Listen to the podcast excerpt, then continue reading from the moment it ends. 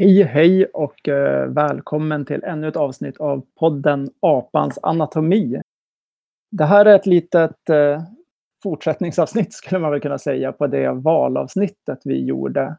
Det som vi ska titta på är ett sidospår som vi inte tog upp så mycket i det avsnittet och som är lokalpartier. Jag heter Erik, jag sitter i Umeå. Med mig har jag Mattias i Stockholm. Hej Mattias! Hej, hej! Här är jag på plats.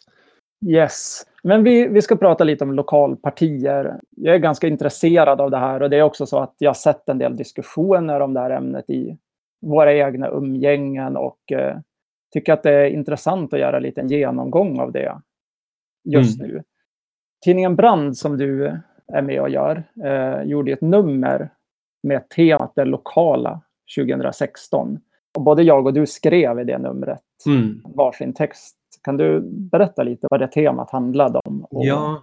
och, så, vad vi skrev om?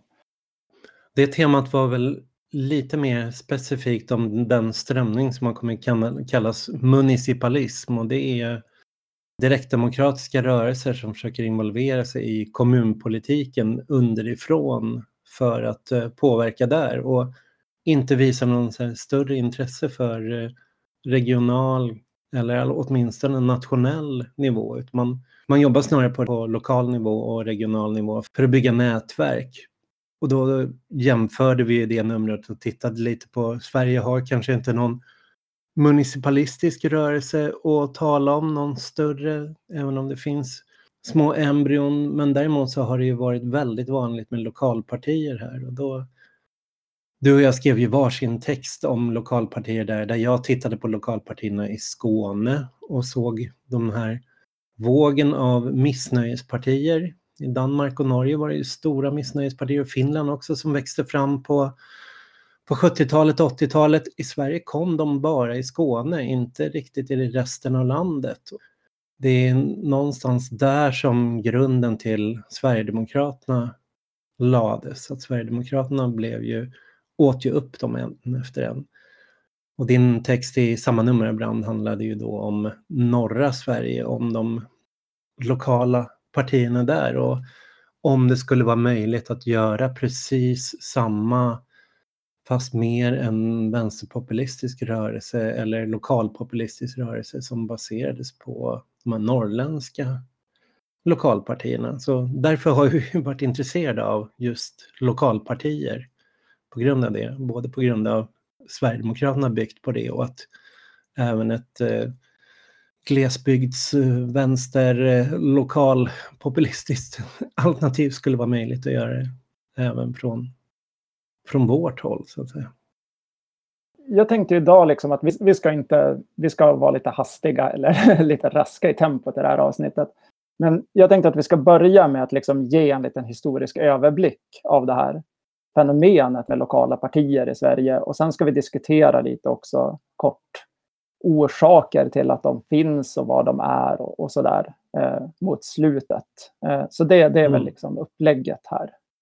Ja, ja när, när dyker sådana här lokala partier i, upp i Sverige? Har du kollat på det, Erik? Ja, det är ju...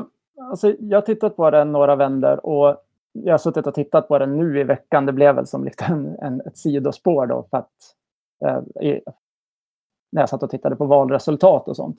Och det man kan säga är att under Fordismen, eller liksom från egentligen från demokratins införande till slutet av 70-talet så är det väldigt ovanligt med, mm. med lokala partier i Sverige. Det är samma partier som i riksdagen som, som finns på lokal nivå också.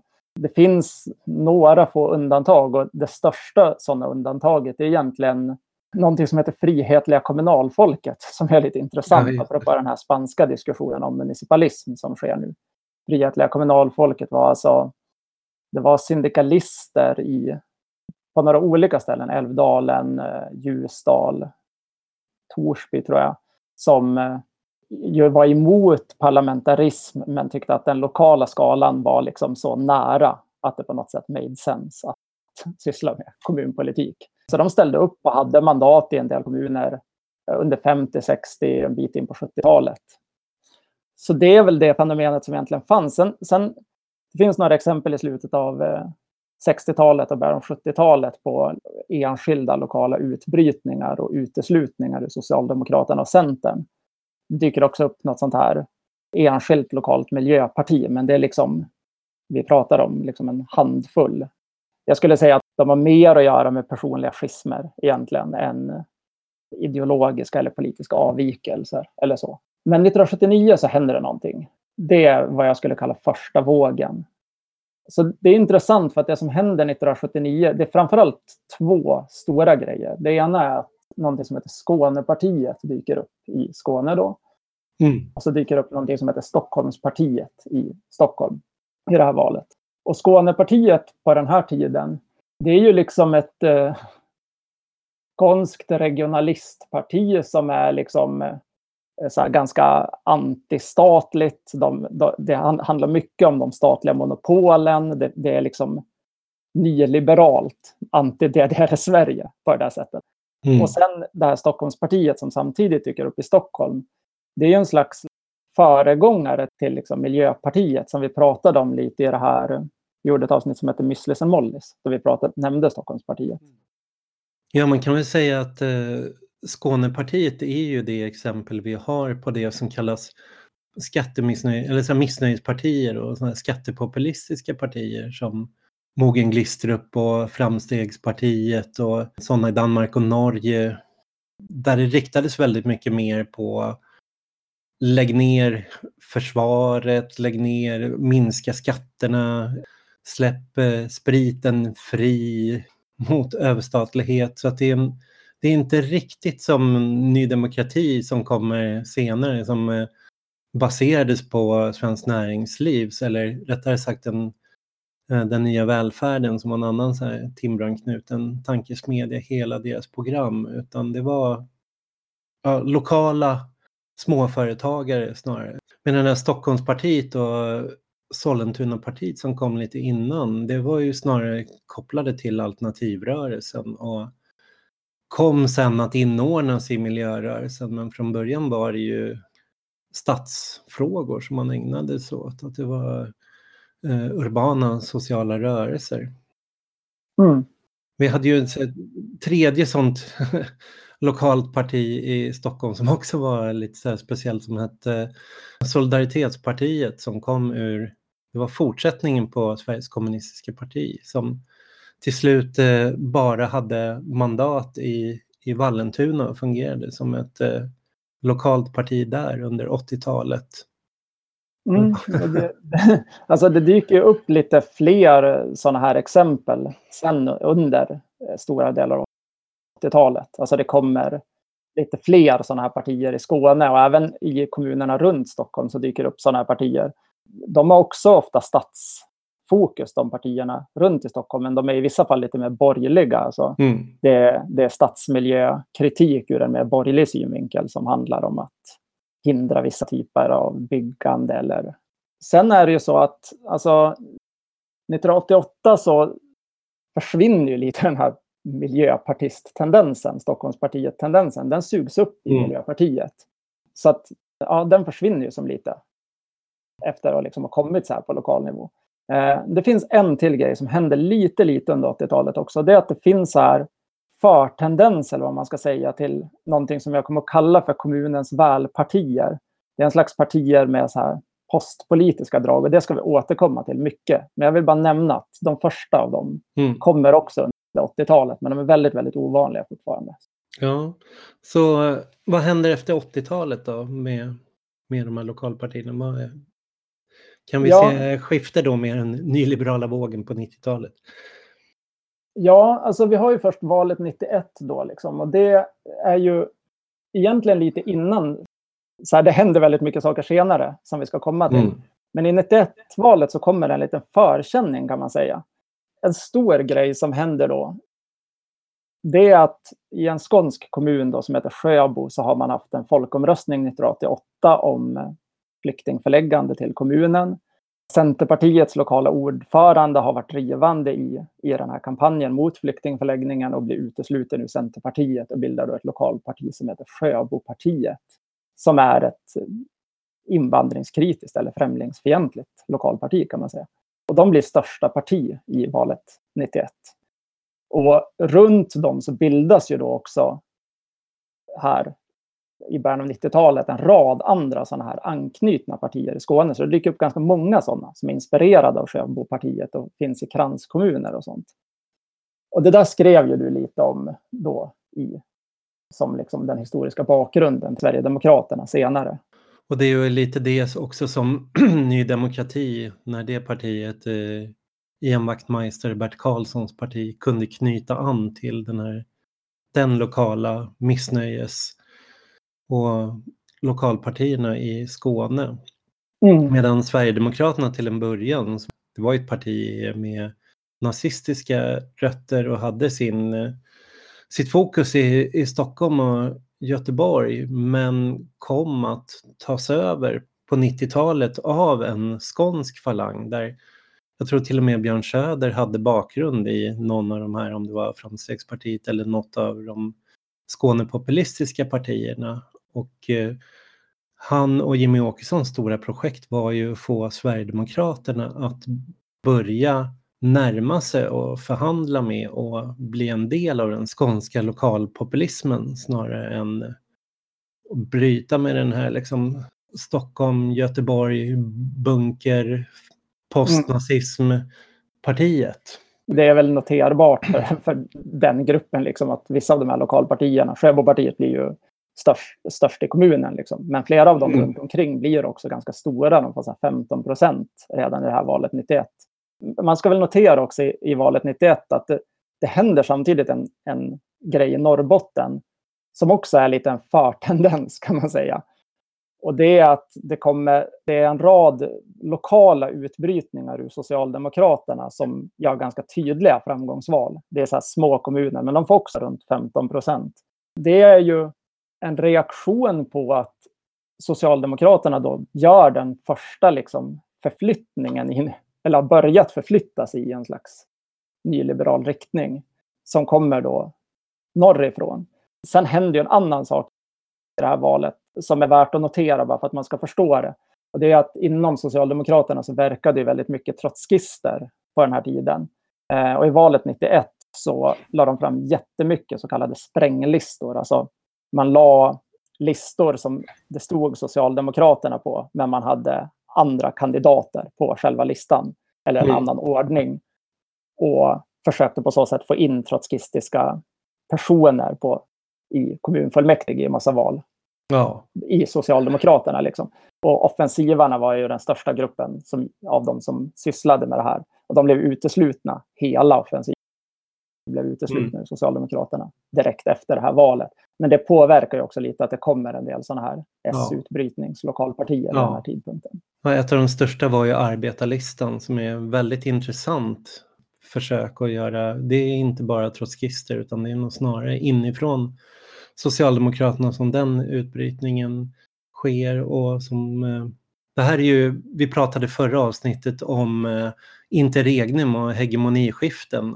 Om vi befinner i ett sådant hegemoniskifte nu så var ju det här tidiga 90-talet var precis ett sådant hegemoniskifte där eh, väljargrupper började röra på sig och det skedde också interna förändringar i partierna. Så det här arbetarlistan var ett exempel på en sån utbrytning i Socialdemokraterna, men som kom att falla sönder väldigt snabbt. Och även om man inte kan säga att det var ett eh, lokalparti så var det ju ändå rätt lokalt förankrat. Det kom ur det här Dalauppropet. Eh, så att det hade liksom sitt fäste i Dalarna, Dalarna missnöje mm. 1990. Just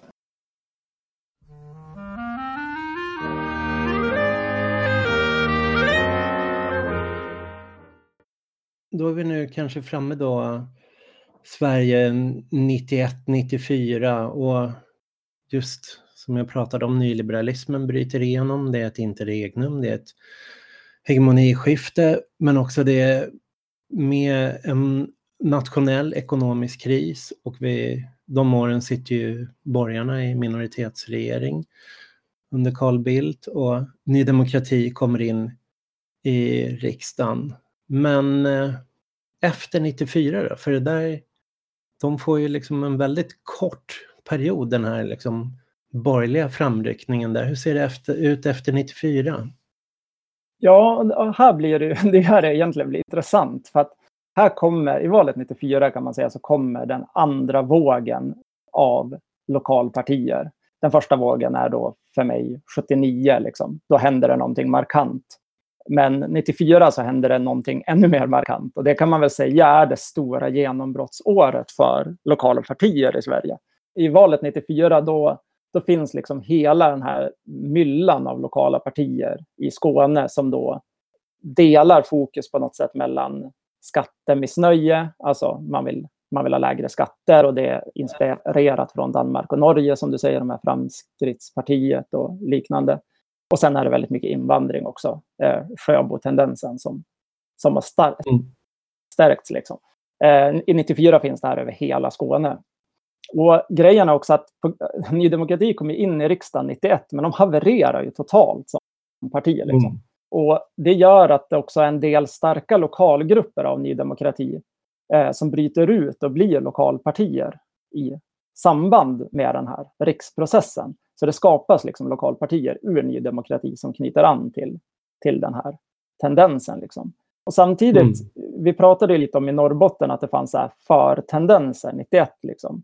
94 kommer precis likadant parallellt ett så här jättegenombrott för partier som är missnöjda med Socialdemokraternas anpassning då till, till nyliberalismen. Man oroar sig för att offentlig sektor börjar krympas, att välfärden ska skäras ner och så vidare. Karaktären är liksom att man vill eh, behålla en traditionell socialdemokrati mot den här New Labour-aktiga dragen som börjar komma. Exempel på det här är Kiruna-partiet då. De bröt ju ur Socialdemokraterna i Kiruna och 94, alltså efter 91. Och 94 så blev det mm. största parti i, i kommunen och tog makten också. Så det är, jag tror att Kiruna-partiet är det första lokalparti som vi får så som, vad ska man säga, Skånepartiet 79, de blev ju liksom vågmästare och, och gjorde så att Socialdemokraterna förlorade liksom sin jättelånga regeringsställning i Malmö. Men Kirunapartiet blir störst och blir liksom regeringsbildare i Kiruna här 94. Mm. Och samtidigt i, i landstinget i Norrbotten så, så har sjukvårdspartiet bildats det är också där efter valet 91 under den här krisperioden som det dyker upp. Och de ställer upp första gången 94 och får 25 procent av rösterna, vilket är väldigt markant. Mm. De blir näst största parti. Det har varit väldigt mycket social rörelse kring välfärdsfrågorna under den här början av 90-talsperioden också. Liksom mycket stora demonstrationer och lokala protester och sånt som på något sätt får en regional partitendens här. Sen kan man väl säga att om det där, om 94 liksom är det stora genombrottet från då lite olika riktningar av lokalpartier. Så det sätter sig lite mer de två kommande valen, 98 och, och 2002. Ja. 98 så går de här 15 lokalpartierna i Skåne ihop regionalt till en lista som heter typ Skånes väl eller någonting ja. sånt och blir vågmästare. Och i Dorotea, om man då ska titta på Norrlandstendensen, så bildas Dorotea kommunlista av en han var riksdagsledamot för Vänsterpartiet. De bildas då som ett slags missnöje med lokala skandaler i Socialdemokraterna och tar 40 procent och blir Sveriges största lokala parti mm. och tar också över makten 98 i, i Dorotea. Då. Så 98 och 2002 så sätter sig den här tendensen liksom med, och det är då en norrifrån och en söderifrån kan man säga, vilket ju också var det vi ville ta upp i det här brandnumret. Som vi mm. Just det. Då har vi kommit fram till eh, 2006 och det är ju, kommer ju högern tillbaks till makten. Det är då Reinfeldt har skapat de här nya Moderaterna, det nya Arbetarpartiet och bildat Alliansen, fått de fyra partierna gå ihop under ett gemensamt program. Och man kan väl säga att det är den här nyliberalismen eller vad man ska säga, den slags progressiva nyliberalismen en, som når sin höjdpunkt här. Dess hegemoni är som starkast under de åren. Men vad hände på, vad innebär alliansen och hela alliansstyret de här åren för lokalpartierna och lokalvalen? Ja, alltså 2006 är ju, vi har pratat om en första våg 79 och en andra våg 94 liksom. Och 2006 är inledningen för en tredje våg. Det är intressant för att vi snackade om att om Stockholmspartiet det här dök upp 79 och det bildades en del sådana här alltså lokala miljöpartier, nedrustningspartier i vissa fullmäktige och så, som, som sen gick upp i Miljöpartiet 1988 när Miljöpartiet började bli stora riksmässigt. Så hände exakt samma sak här 2006. Och det är ju mm. då Jimmy Åkessons projekt som skördar den idén du sa att de hade där med att liksom mm.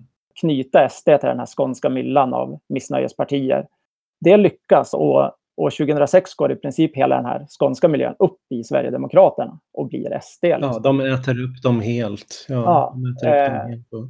och... det är väldigt intressant att se hur det där har hänt då i liksom två situationer och blivit grunden för, för nya mm. stabila riksdagspartier. Det är ju, det är ju, det är värt att följa och mm. värt att tänka på också för att man kanske kan titta på lokala missnöjespartier som en slags ja, men se tendenser i, ja.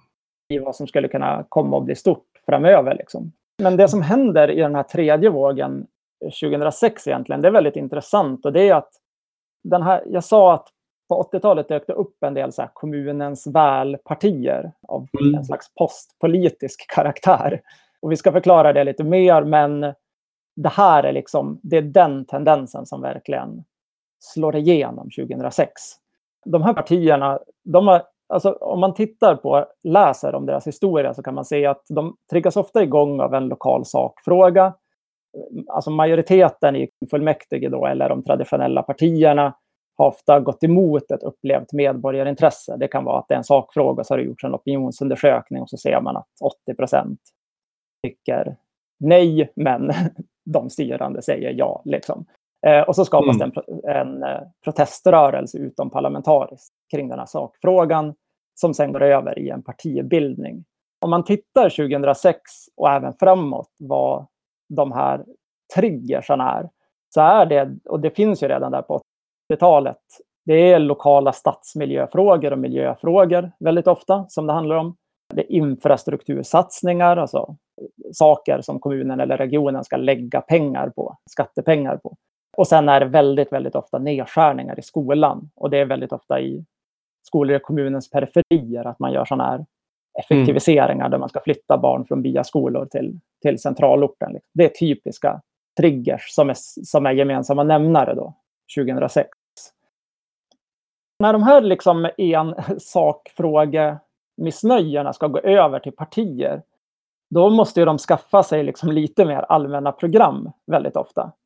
Och det är intressant för att det de ofta vill, eller det, det som är liksom kärnan i vad de säger och varför jag kallar dem för postpolitiska, det är att deras ändamål är på något sätt att de i enighet med vad man kan kalla en geografisk konkurrenspolitik som gör ett genombrott under de här åren, som vi snart ska förklara, vill de göra kommunen till ett mer väloljat företag. Mm. Så det handlar om att bryta upp blockpolitiken, att man vill göra sig av med förlegade ideologier och lokala schismer. Man säger att alla ska dra åt samma håll och bryta gamla partiers svek med något, någon typ av medborgarlöfte. Liksom. Så det är det där det handlar om i den här tredje vågen 2006. Den har ju liksom pågått och ökat och spridits sedan dess. Det startas fler och fler sådana här lokala partier val för val.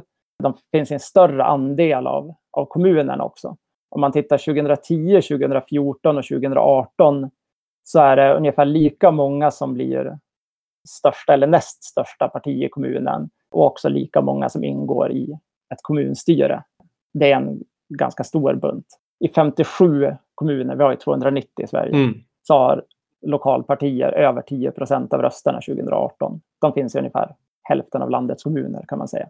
Och det här är verkligen, verkligen den allmänna tendensen mm. sen då 2006, eh, tredje vågen, inleddes. Ja. Eh. Så nu har vi beskrivit de här tre vågorna, men kanske ska bara sammanfatta lite då läget.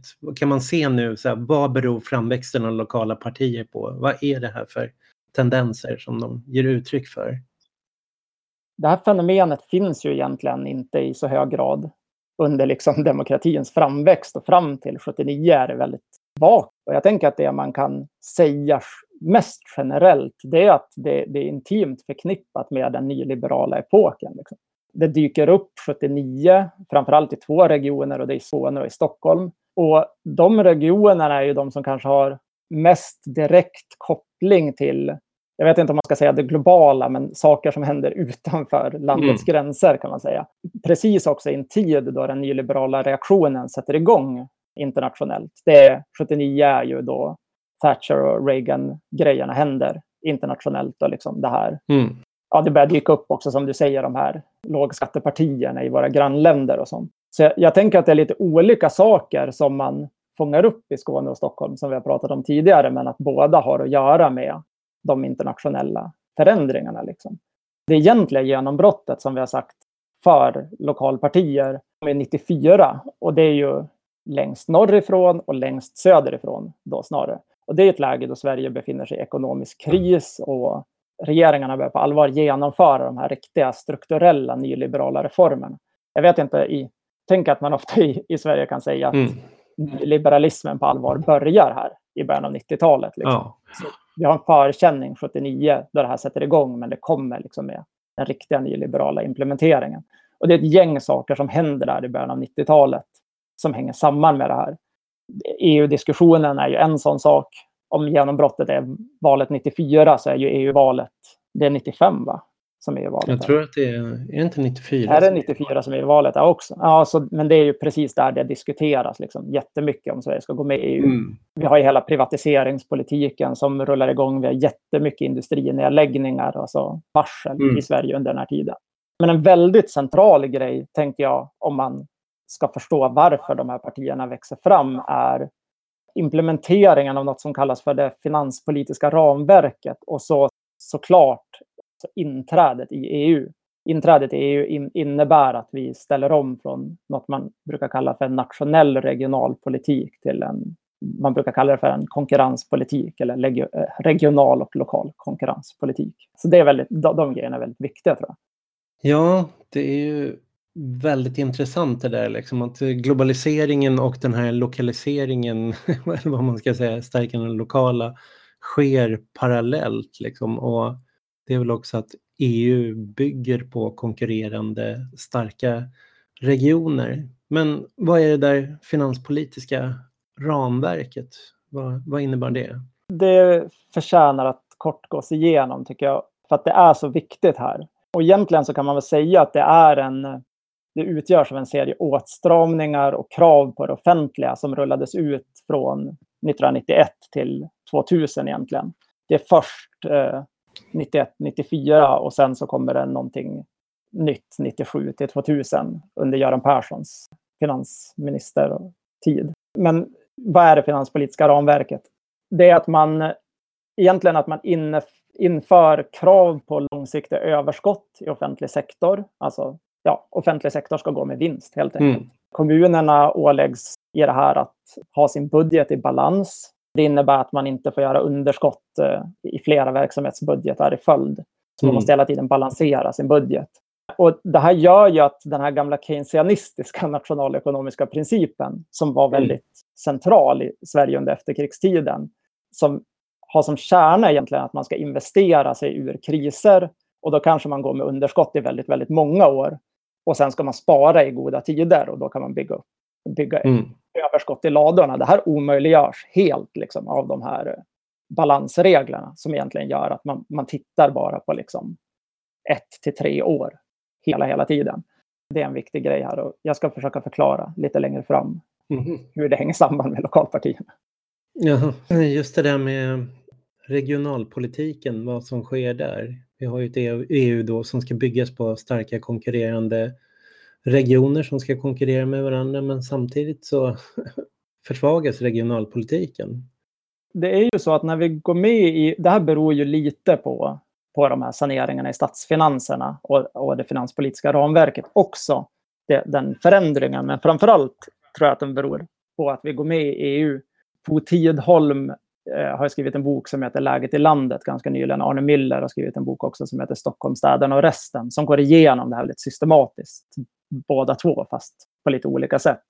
Och de här konkurrensreglerna som EU har som vi då går in i, de bryter väldigt mycket mot hur man har bedrivit regionalpolitik under decennierna innan i Sverige.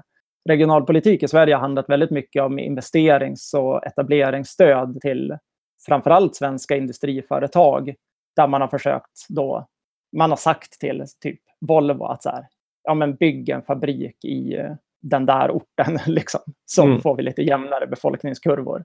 Och det här är exakt det man inte får göra enligt EUs konkurrensregler. Liksom. Man kan inte, svenska staten kan inte gynna enskilt svenska företag, liksom, utan det måste finnas liksom balanserade villkor. Och det som egentligen händer är att det här vi kallar för ett omslag från regionalpolitik till lokal konkurrenspolitik.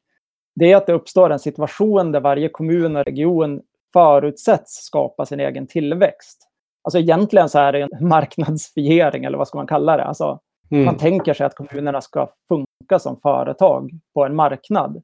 Och det här flyttar ju mycket fokus från en idé om att kommunerna bara ska tillhandahålla medborgarna en välfärd som de har beskattats för att få. Och det är en, en slags reproduktion av, av samhället. Mm. Så börjar väldigt många kommuner känna sig nödgade att göra spekulativa investeringar som ska öka tillväxten, eftersom att man måste skapa sin egen tillväxt. Då. Vad är spekulativa investeringar? Ja, men det, det är att man gör saker för att locka nya invånare, locka nya företag som ska etablera sig. Det kan vara att man vill skapa en ny typ av tjänstesektor som är turistbaserad, så då ska man locka till sig turister mm. och så vidare. Men grejen är samtidigt att liksom de strukturella villkoren för, säg, typ Flen, Stockholm, olika kommuner liksom, är ju extremt orättvisa när det här nya träder in. Liksom. Alltså mm. förmågan för en kommun är väldigt, väldigt mycket sämre att vara konkurrenskraftig än för en annan. Så, så det, är en, det är en slags orättvisa någonstans här så tänker jag att någon kanske kommer att invända när jag säger att regionalpolitiken är borta. För vi har något som kallas för det kommunala skatteutjämningssystemet. Som mm. högern i Sverige älskar att tjata om. Och ja, det är ju egentligen inte att man omdisponerar resurser så mycket från rika kommuner till fattiga kommuner som att pengar som har ansamlats i de skatter som staten tar in fördelas ut till kommuner.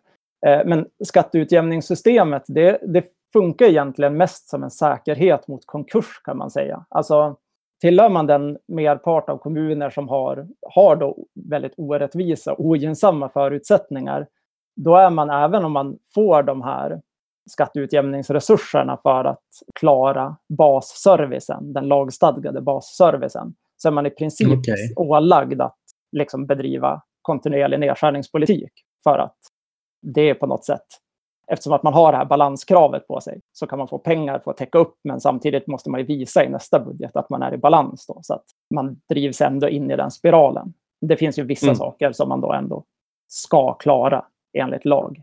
Mm. Så då står man liksom i det dilemmat på något sätt. Mm.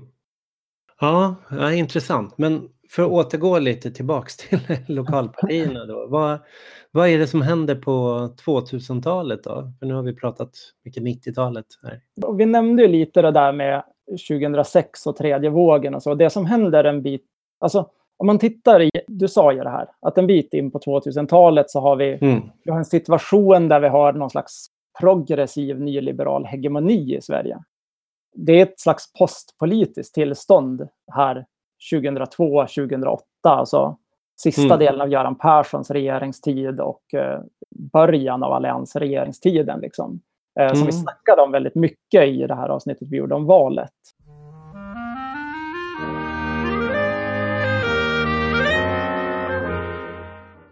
Ja, man kanske ska förklara det där begreppet postpolitik lite mer. För det är ju ett begrepp som bland annat eh, vi har tagit upp i det här avsnittet om eh, Laclau och Moff och Skapa folket, populism. Och de tänker sig ju två sorters perioder och det är perioder då det råder en hegemoni där man kan säga att eh, det finns ingen central konfliktfråga just för stunden, någonting som utmanas, utan diskussionen blir mer kring eh, hur systemet ska skötas hanteras och det, politiken kan bli rätt mycket signalpolitik, symboliska utspel eller vad, vad individer gör, hur individ, vad individer tar för ställning i olika frågor än att det faktiskt handlar om en visa på en motsättning mot olika intressen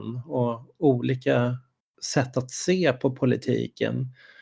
Så enligt Chantal Mouffe och Laclau så ser de det här liksom som ett område där liksom politiken nästan ligger på is, så att säga. Det är bara en här, diskussion om hur man bäst administrerar samhället. Medan då och då, när ekonomin börjar förändras, när det sker förändringar som gör att eh, staten inte längre bara kan administrera som förut. Politiken bara kan inte fungera som ren administration. Det är mängder av krav som inte längre lyssnas på och börjar artikuleras, de börjar kopplas samman och utmana den här hegemoniska bilden. Alltså till exempel den socialdemokratiska hegemonin den byggde ju på välfärdsstaten och inte ens högern utmanade välfärdsstaten utan man verkade inom hur fördelningen skulle utformas. Och under den nyliberala hegemonin så kan man säga att eh, det var att vi skulle få det bättre genom att belåna oss och på så sätt investera och kunna köpa, köpa oss rikare. Och när det inte längre var möjligt och när folk började bli så skuldsatta och inte kunde liksom få sina krav tillgodosedda den scenen, då hamnar den hegemonin i en kris och det börjar komma andra krav, andra röster och då blir politiken möjlig igen. Då blir det en slags... När man befinner sig i de här brytningsperioderna då uppstår liksom eh, en utmaning, att det gamla, det gamla systemet utmanas av någonting som säger mm, men ni täcker inte in det här, ni fångar inte in de här frågorna, den bild ni har stämmer ju inte. Så att den ifrågasätts, det ses inte som det sunda förnuftet längre. Så att postpolitiken beskriver ett tillstånd av hegemoni och politiken är möjlig i perioder där hegemonin håller på rasar, bryter. Det blir mm. ett litet sidospår där. Men... Det är intressant för att eh, ja, vi har snackat om det här i lite olika avsnitt och vi snackade om det i valavsnittet och du tar upp det nu också att liksom när det råder hegemoni så sker reaktionerna liksom inom hegemonins ramar, eller vad mm. man ska säga. Och om man liksom tittar på de här lokala partierna under den här perioden på 2000-talet mm. så ser man ju att de reagerar mot strukturella problem. Och här kommer allt det här jag just sa då om det finanspolitiska ramverket och konkurrenssituationen och så. Det är ju egentligen det de reagerar mot. Det är mm. strukturella problem som liksom går att förklara. Men på grund av den här hegemonin och det postpolitiska tillståndet så finns liksom inte möjligheten eller de, de här strukturella förklaringarna saknas kan man säga. De mm. blir inte konflikter om det. Liksom.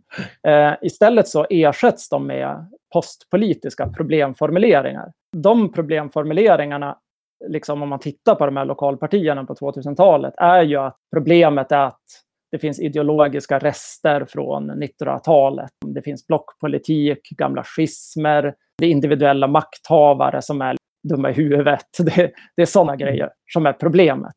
Och lösningen då för de här lokalpartierna, det är att ta kommunen bortom de här faktorerna. Liksom. Och just att det ska bli det här väloljade företaget där alla drar åt samma håll då tänker man sig att om man skapar en sån situation, då kommer de här kärnverksamheterna att funka.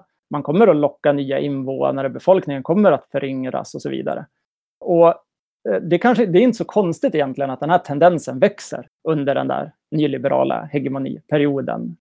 Men jag tycker att det är ganska intressant att den fortsatte att växa 2014 då. då är det är sex år efter eh, den globala ekonomiska krisen. Och den är ungefär lika stark 2018. Nu, vi sa det redan i valavsnittet att det är tioårsjubileum i år. Mm. Lehman Brothers-kraschen. Och vi har beskrivit det här tillståndet också som just då inte regnum, att den nyliberala hegemonin har fallit. Men det är ändå så här det ser ut på lokal nivå. Och i den mån vi, vi liksom skulle vara i någon typ av så populist moment, som Chantal Mouffe kallar det, mm. eh, just nu så känns populism som en delvis, tycker jag, inadekvat beskrivning för det jag ser när jag tittar på lokala partier. Definitivt så kan man ju säga att grundelementet bakom dem är ju liksom en sån här känsla av att, det att folket ska resa sig mot eliten i, i de lokala situationerna. Men just programmen är ju fortfarande så extremt präglade av det här postpolitiska och nästan apolitiska. Liksom. Ja. Det, det, är inte det här återupprättandet av eh, politiken som idéer i konflikt med varandra, utan det, det är snarare det här 100% liksom, administration av det rådande som, som jag ser hos de här partierna. Liksom. Eh, mm. Det är intressant att det fortfarande är så 2018 tycker jag. Eh, ja. Man ska. ja, det är ju verkligen speciellt att eh, 2018 i princip ser likadant ut som 2014 och 2000. Och eh, att den dominerande postpolitiska versionen på allvar har vuxit fram sedan 2016. Men om vi tänker framåt då, vad tror du händer framåt? För vi har ju ändå sett eh, de här skånska missnöjespartierna, lokalpartierna har formerat sig som en politisk kraft med Sverigedemokraterna som någonstans försöker ha vad ska man säga, ett konservativt block som ska utmana den här politiken. Är det några andra sådana utvecklingstendenser vi kan se framåt ur det här? Det finns ju några olika saker man kan göra. En sak man kan göra är att man kan titta på liksom, omständigheter för svenska kommuner och landsting. Man kan titta på så prognoser som kommunerna gör och Sveriges kommuner och landsting gör. Liksom. Eh, och gör man det så ser de väldigt mörka ut just nu. Mm. Alltså i en majoritet av kommunerna och även i landstingen så är de är tydligt på liksom förlorarsidan i den här lokala och regionala konkurrenspolitiken. Mm. Och i dem så är horisonten mörkast. Liksom. Det är ju ställen, egentligen grundproblemet för de platserna i den här situationen är ju att de har negativ befolkningsutveckling. Det är ganska enkelt om man ska titta på vad problemet är om man läser de här prognoserna, alltså vad är det för problem som de här kommunerna står inför, så handlar det väldigt mycket om att under Fordismen, alltså under efterkrigsdecennierna, så byggde man extremt mycket infrastruktur i Sverige. Och man byggde den med hjälp av statliga subventioner. Ett exempel på det är miljonprogrammets lägenheter som är kanske det som pratas mest om. Men det är exakt samma sak egentligen med skolor, med sjukhus, med äldreboenden och massa annan kommunal infrastruktur. Och nu, liksom, där vi befinner oss nu i tid, så är vi i en fas där det finns ett väldigt stort renoveringsberg i den infrastrukturen. Och det finns inga subventioner överhuvudtaget, i princip. Och för kommuner som ändå har en viss befolkningstillväxt så finns det ju lite bättre förutsättningar liksom, att hantera det här. Men de kommunerna har ett dilemma, för de har ju liksom också ett behov av att tillföra massa ny sån infrastruktur. Och där finns det inte heller några subventioner. Så de måste bygga nya skolor och nya lägenheter och mm. nya äldreboenden. Och de kommunerna måste ju också i någon mån, som vi har varit inne på tidigare, göra de här spekulativa satsningarna för att konkurrera. För att liksom säkra att de fortsätter att vara på tillväxtsidan. Liksom det här är ju liksom en av de grejerna jag har huvudägnat mig åt själv de tio senaste åren i Umeå. Liksom. Det kommuner gör är att man bygger flådiga kulturhus och multiarenor, äventyrsbad, liksom, fotbollsarenor, mm. sådana grejer. Som, som liksom man tänker sig ska locka in flyttar och skapa en turismarbetsmarknad och sånt. Och när man gör det, i väldigt många fall så skuldsätter man sig ännu mer. Och så på grund av skuldsättningen så får man ökade räntekostnader i verksamhetsbudgeten. Och det måste såklart då lösas med nedskärningar i kärnverksamheterna, för det är enda sättet att hålla balanskraven. Liksom. Så utan att dra ut på det här för länge, så mm. prognoserna liksom, de pekar ju på värre och värre underskott under de kommande tio åren. Och det gäller då liksom både avfolkningskommunerna och i viss mån tillväxtkommuner som Umeå. Och då måste man ju fortsätta skära ner och, och det är en negativ spiral. Liksom. Och en ganska så stor grej som inte diskuteras så jättemycket tycker jag, det är att om det skulle komma en drastisk räntehöjning till exempel, vi har minusränta, ja. historiskt jättelåg ränta, då skulle det innebära liksom väldigt plötslig kostnadsökning för kommunerna eh, såklart. Med risk för en mycket mer akut typ av kommunkris. Så, och man, man får väl säga så att en av de få politiska aktörer som pratar om det här, det är ju de som, som du säger, som riktar udden mot invandringen och, och skördar ja. på det också. Alltså det här blocket som har formats ur, ur den här missnöjespopulismen i, eller lokalpartierna i Skåne. Grejen är att deras analys, tycker jag, då, förstorar en detalj till att vara den centrala orsaken. Och eh, deras analys för, för, förstorar en detalj till den centrala orsaken. Och liksom, den problemformuleringen skulle egentligen lika gärna kunna förvärra problemet i så realpolitisk mening. Om man tittar på andra lokalpartier som inte gick upp i Sverigedemokraterna så pratar de väldigt lite om invandring. Och jag tror inte att det beror på att de liksom är typ rädda för att bli kallade rasister eller, eller sådana grejer. Utan att de, de ser att det handlar om något annat. Eftersom mm. att de befinner sig i, i kommunpolitiken. Liksom.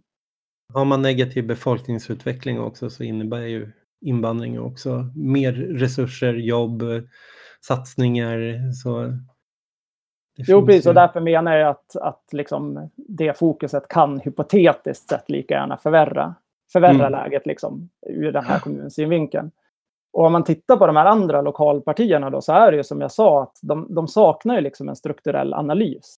Det generella och gemensamma och ha ett postpolitiskt svar istället. De, ja. de tror bara att de ska administrera det här lite, lite bättre än vad sossarna eller moderaterna eller vem fan mm. som har styrt har gjort. Liksom. Och tittar man liksom på kommuner där lokalpartier har styrt nu under den här tredje vågen så backar de ju ofta successivt bort när de har styrt. Och det är inte så konstigt mm. egentligen, just när, på grund av att de har det här inadekvata svaret. Liksom. Men det, det är inte så förvånande om de ändå fortsätter att dyka upp i... De finns ju i hälften av kommunerna. Liksom. Det är inte så mm. förvånande om de dyker upp i, i, i massa av de andra också. Och kanske tar makten i massa fler kommuner temporärt. Men med, med samma erfarenhet då. Att de kommer inte att kunna presentera en lösning. Liksom. Det, det, är ju så att vi, vi är ju liksom på vänsterkanten och om man vill att vänstern ska, ska vitaliseras och så, så, så kan man ju tänka sig att den här situationen erbjuder liksom en möjlig arena eftersom att det finns liksom många människor eller väljare som är benägna just nu att rösta på något annat än de traditionella riksdagspartierna. Ja. Och det har ju också laborerats liksom i några svenska kommuner nu inför valet 2018 med ett nytt sätt att göra det i vänstermiljöer man skulle kunna säga att det är så här, man lokalt har testat något som liknar. Det finns en ny, ett nytt tyskt parti som jag tror är typ en utbrytning ur Vänsterpartiet i Tyskland. Det är väl inte ens ett parti, inte Austen bara som ett momentum i Storbritannien. De försöker bilda en... Ja, det är kanske är en utomparlamentarisk rörelse. Ja, som ska backa upp partierna och nå dem som de inte når. Och deras grej, liksom, som man läser om dem, det är ju, vad ska man säga, det är ju någon typ av så här mm. värderingspolitiskt reaktionär men fördelningspolitisk vänsterriktning. Alltså eh, mm. triangulering av, av ytterhögern invandringsfrågan men väldigt klassisk vänsterfördelningspolitik. Och den här grejen har ju liksom testats i några, några svenska kommunval 2018.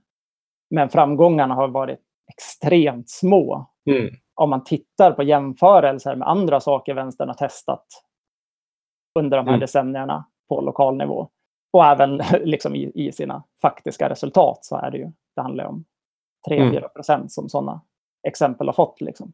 Men en, en, annan grej är ju att, är ju då utifrån det här med brand.